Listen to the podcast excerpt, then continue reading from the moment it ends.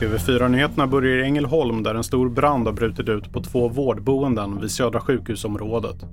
Ett VMA har gått ut till allmänheten som uppmanas hålla sig inomhus och stänga fönster och ventilation. Boenden har evakuerats och i nuläget finns inga uppgifter om skadade. Enligt de senaste uppgifterna från räddningstjänsten finns i nuläget ingen risk att branden sprider sig. Så till kriget i Ukraina där flera av Kievs förorter har bombats under natten. Samtidigt pågår en lång rad möten och samtal. Bland annat tog ett antal europeiska ledare tåget till Kiev för att diskutera hur man bäst kan hjälpa landet.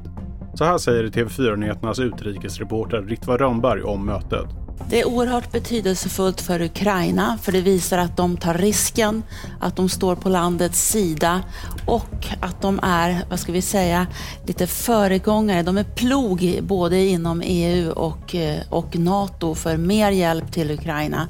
Så det är väldigt betydelsefullt för landet.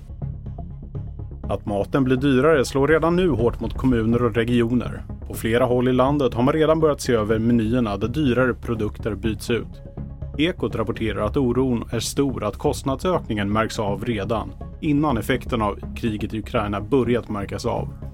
Jag heter Felix Bovendal och fler nyheter hittar du på tv4.se.